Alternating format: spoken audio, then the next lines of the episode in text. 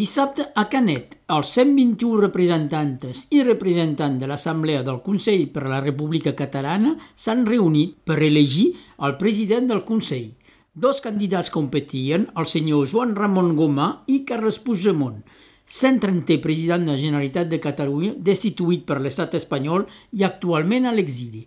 Els candidats havien de presentar la seva candidatura i contestar a les preguntes dels representants. Això s'ha fet en un ambient cordial i respectuós. Us proposo d'escoltar extracte de les intervencions.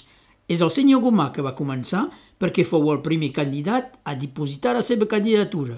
Una de les primeres preguntes per què fem eleccions quan el president Puigdemont va ser elegit democràticament?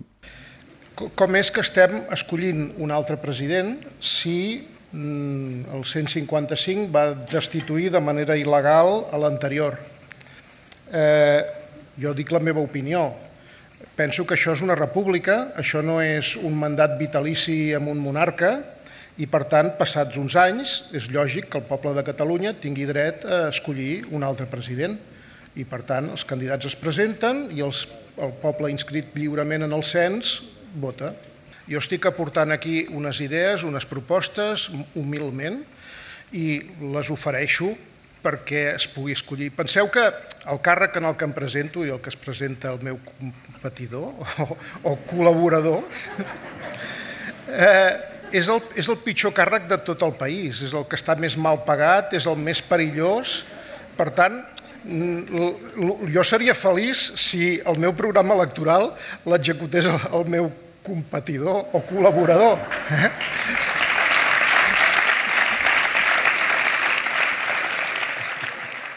Una de les qüestions nombroses van plantejar la consideració de la nació completa, és a dir, els països catalans.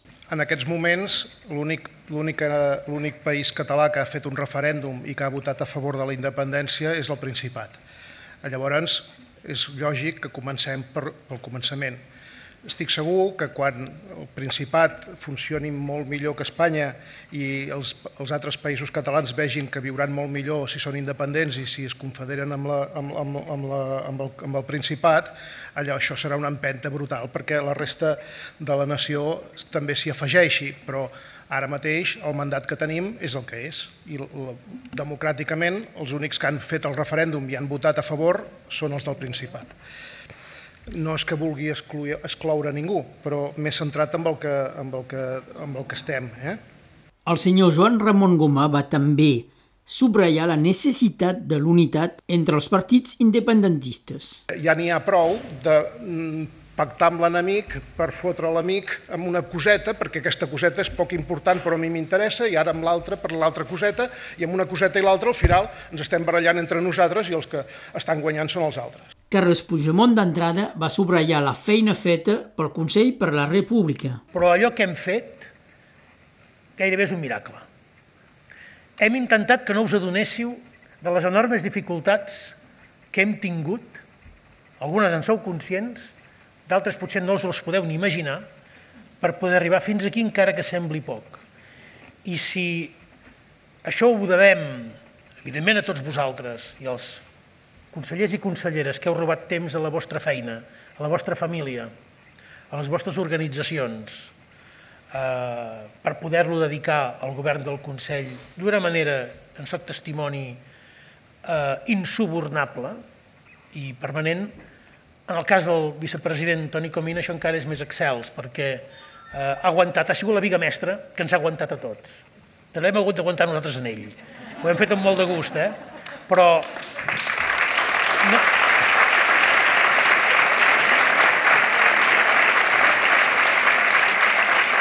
no, no seríem aquí, no seríem aquí sense vosaltres i sense Antoni. També vull subratllar que aquesta és la segona sessió d'investidura que jo em sotmeto. La primera va ser davant d'un Parlament autonòmic que tenia el mandat de tots els ciutadans de Catalunya de proclamar la independència. Aquesta segona és davant d'una institució republicana, què és conseqüència d'aquella decisió del Parlament? És eh, una institució republicana, un cop el poble de Catalunya va prendre la decisió i el Parlament la va ratificar. Ho subratllo perquè per mi té aquesta importància. És una segona sessió d'investidura que em someto com a president d'una institució.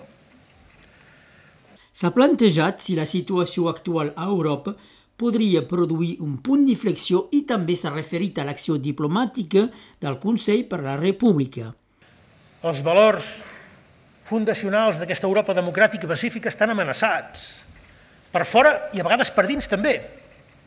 I en, una, eh, en la visió d'una Catalunya independent republicana, europea, nosaltres no podem ser aliens a aquest debat i aquest neguit que recorre els pobles del món, de fet, i singularment els pobles d'Europa. Tanmateix també creiem, jo crec, que en aquest temps que ve es poden produir punts d'inflexió en la repressió. Pot ser que l'estat espanyol, eh, perquè s'acaben processos judicials internacionals, perquè Nacions Unides encara té pendents de resoldre algunes coses. Pot ser que hi hagi un punt d'inflexió que pugui comportar canvis polítics.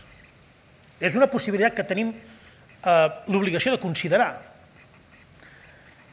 I si algú té i tindrà a les seves mans la possibilitat de generar un punt d'inflexió que arrossegui el conjunt del moviment a una proposta compartida, aquest és el Consell per la República. No ho serà ningú més.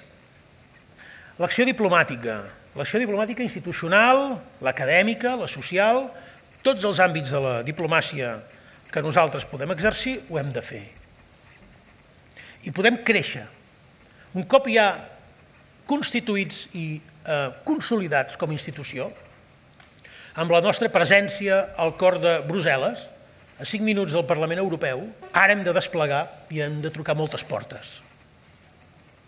Tenim la llista de la gent on hem d'anar a veure, tenim ja estructura interna per poder-ho assumir.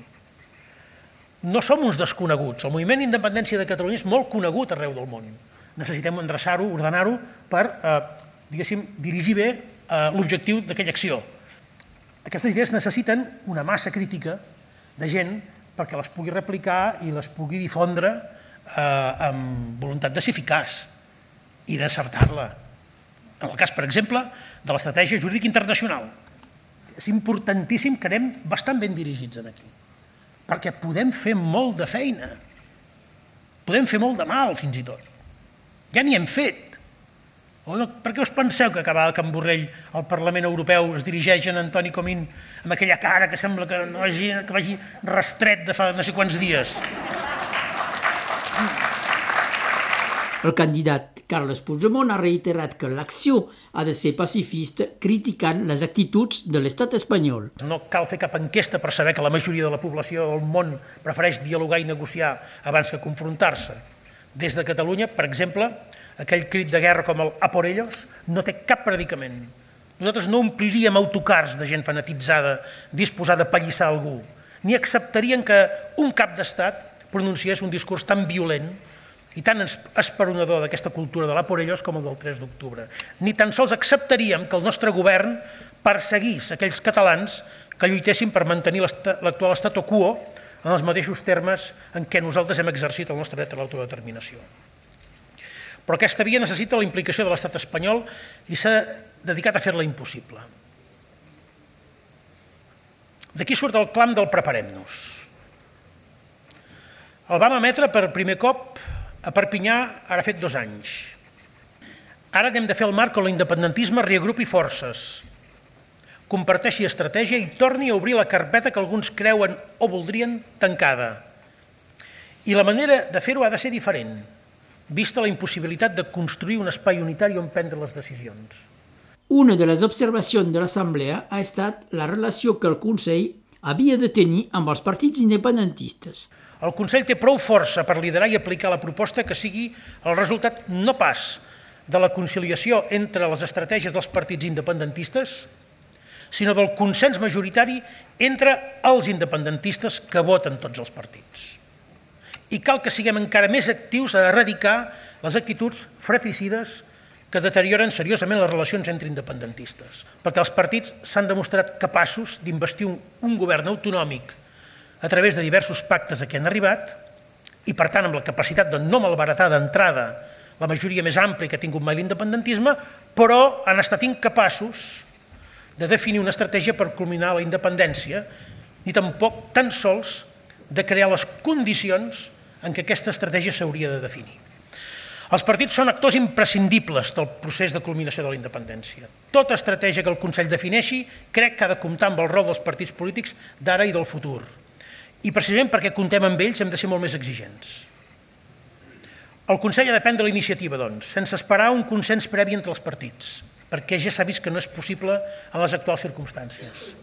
Aquesta és la realitat i no podem negar-la. I en aquest sentit, i acabo, l'Assemblea de Representants esdevé un pilar molt important que ajudi a canviar les circumstàncies, perquè no és una assemblea de representants de partits i coalicions electorals, sinó directament de ciutadans independentistes que us han escollit perquè els representeu. Alguns representants qüestionen la posició de Carles Puigdemont com a president de Junts per Catalunya i alhora del Consell de la República. Jo ja ho he dit d'entrada, considero que sou el president legítim. En canvi, també penso, i així ho vaig mm, eh, fer quan vaig presentar una esmena, que pel bé del Consell hauria estat molt millor que no fóssiu alhora president d'un partit. Però si el conflicte és que jo sóc, diguem-ne, president d'un partit polític que pot tenir un govern d'actitud autonomista o autonòmica o obediència, eh, si jo en fos militant això canviaria alguna cosa? Seria el mateix, perquè l'obligació que té un militant d'un partit en relació al seu partit és exactament la mateixa que té un president. Si, no, el, si el temor és aquest, vull dir. Però, afortunadament, eh, a partir del qual jo pertanyo, eh, i els partits on jo he estat, han estat sempre partits on m'he sentit profundament còmode en expressar les meves dissens, els meus dissensos, les meves discrepàncies. Mai ningú no m'ha dit que, com que estàs fent això, t'has de comportar d'aquesta manera. És públic i notori. Jo vaig votar en blanc a l'Estatut de, del 2006. No era la posició oficial del meu partit. Jo era diputat al Parlament de Catalunya aleshores. No em vaig amagar, perquè no podia donar suport a allò. Eh, quan hi ha una contradicció d'aquest tipus, sempre l'he resolt a favor del país, mai a favor del partit. Bé, aquí no compareix el militant de Junts. Perdoneu, eh? Ho dic amb seriositat. Jo no estic sotmetent-me a la investidura del govern autonòmic, en la que hauria de respondre aquestes i més preguntes. I precisament una manera de no vincular el Consell per la República i la presidència a la que jo em sotmeto a les dinàmiques de l'interior i, per tant, contradir allò que jo he dit al principi, seria que ara jo entrés en aquests debats que, per altra banda, no són ni estan inclosos ni en el programa de govern del Consell per la República, a l'aprovat, ni en els que, evidentment, formen part de l'àmbit de la nostra responsabilitat. Per tant, no, no, no la respondré no perquè no tingui opinió al respecte, no m'interessi un debat al respecte, sinó perquè fent això estaria contradint tot el que he vingut dient a la meva compareixença. I per tant, jo avui no compareixo com a militants de Junts per Catalunya.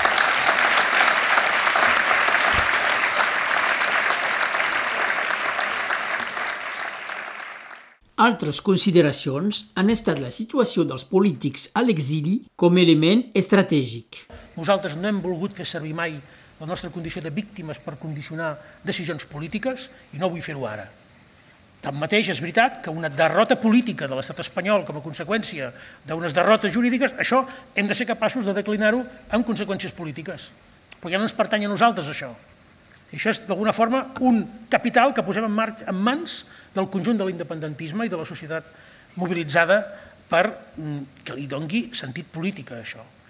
I en una de les últimes reflexions a les quals es desitjava que les reunions del Consell es pugui fer al Principat, Carlos Puigdemont va contestar d'aquesta manera. Quan les coses, coses fossin normals, també ens hauríem de reunir aquí. Perquè això també és la nació i no la podem tenir només com a pla B, sinó que hem de donar-li un tracte de normalitat i que coses que ara pensem que el normal és fer-los allà, per què no les podem fer aquí? Com a normals, no com a emergència. Crec que també s'ho mereixen, perquè han estat lleialíssims i, escolteu, per mi la manera de demostrar que som un sol país és tractar-los amb normalitat. Entenc el que dieu, eh? i evidentment res m'encantaria més que poder fer també una reunió a Barcelona, Girona, Mera, on, on fos falta. Però que no perdem de vista que la mirada que devem a la Catalunya Nord no és aquesta de subsidiària, a vegades una mica paternalista, sinó que això també és territori eh, on, que és casa nostra. Jo m'hi sento. Per tant, gràcies eh, també per, per ser-hi. Aquest eren els tractes de les intervencions del ple d'investitura del president del Consell de la República Catalana. Carles Puigdemont és elegit president amb 86% dels vots a favor.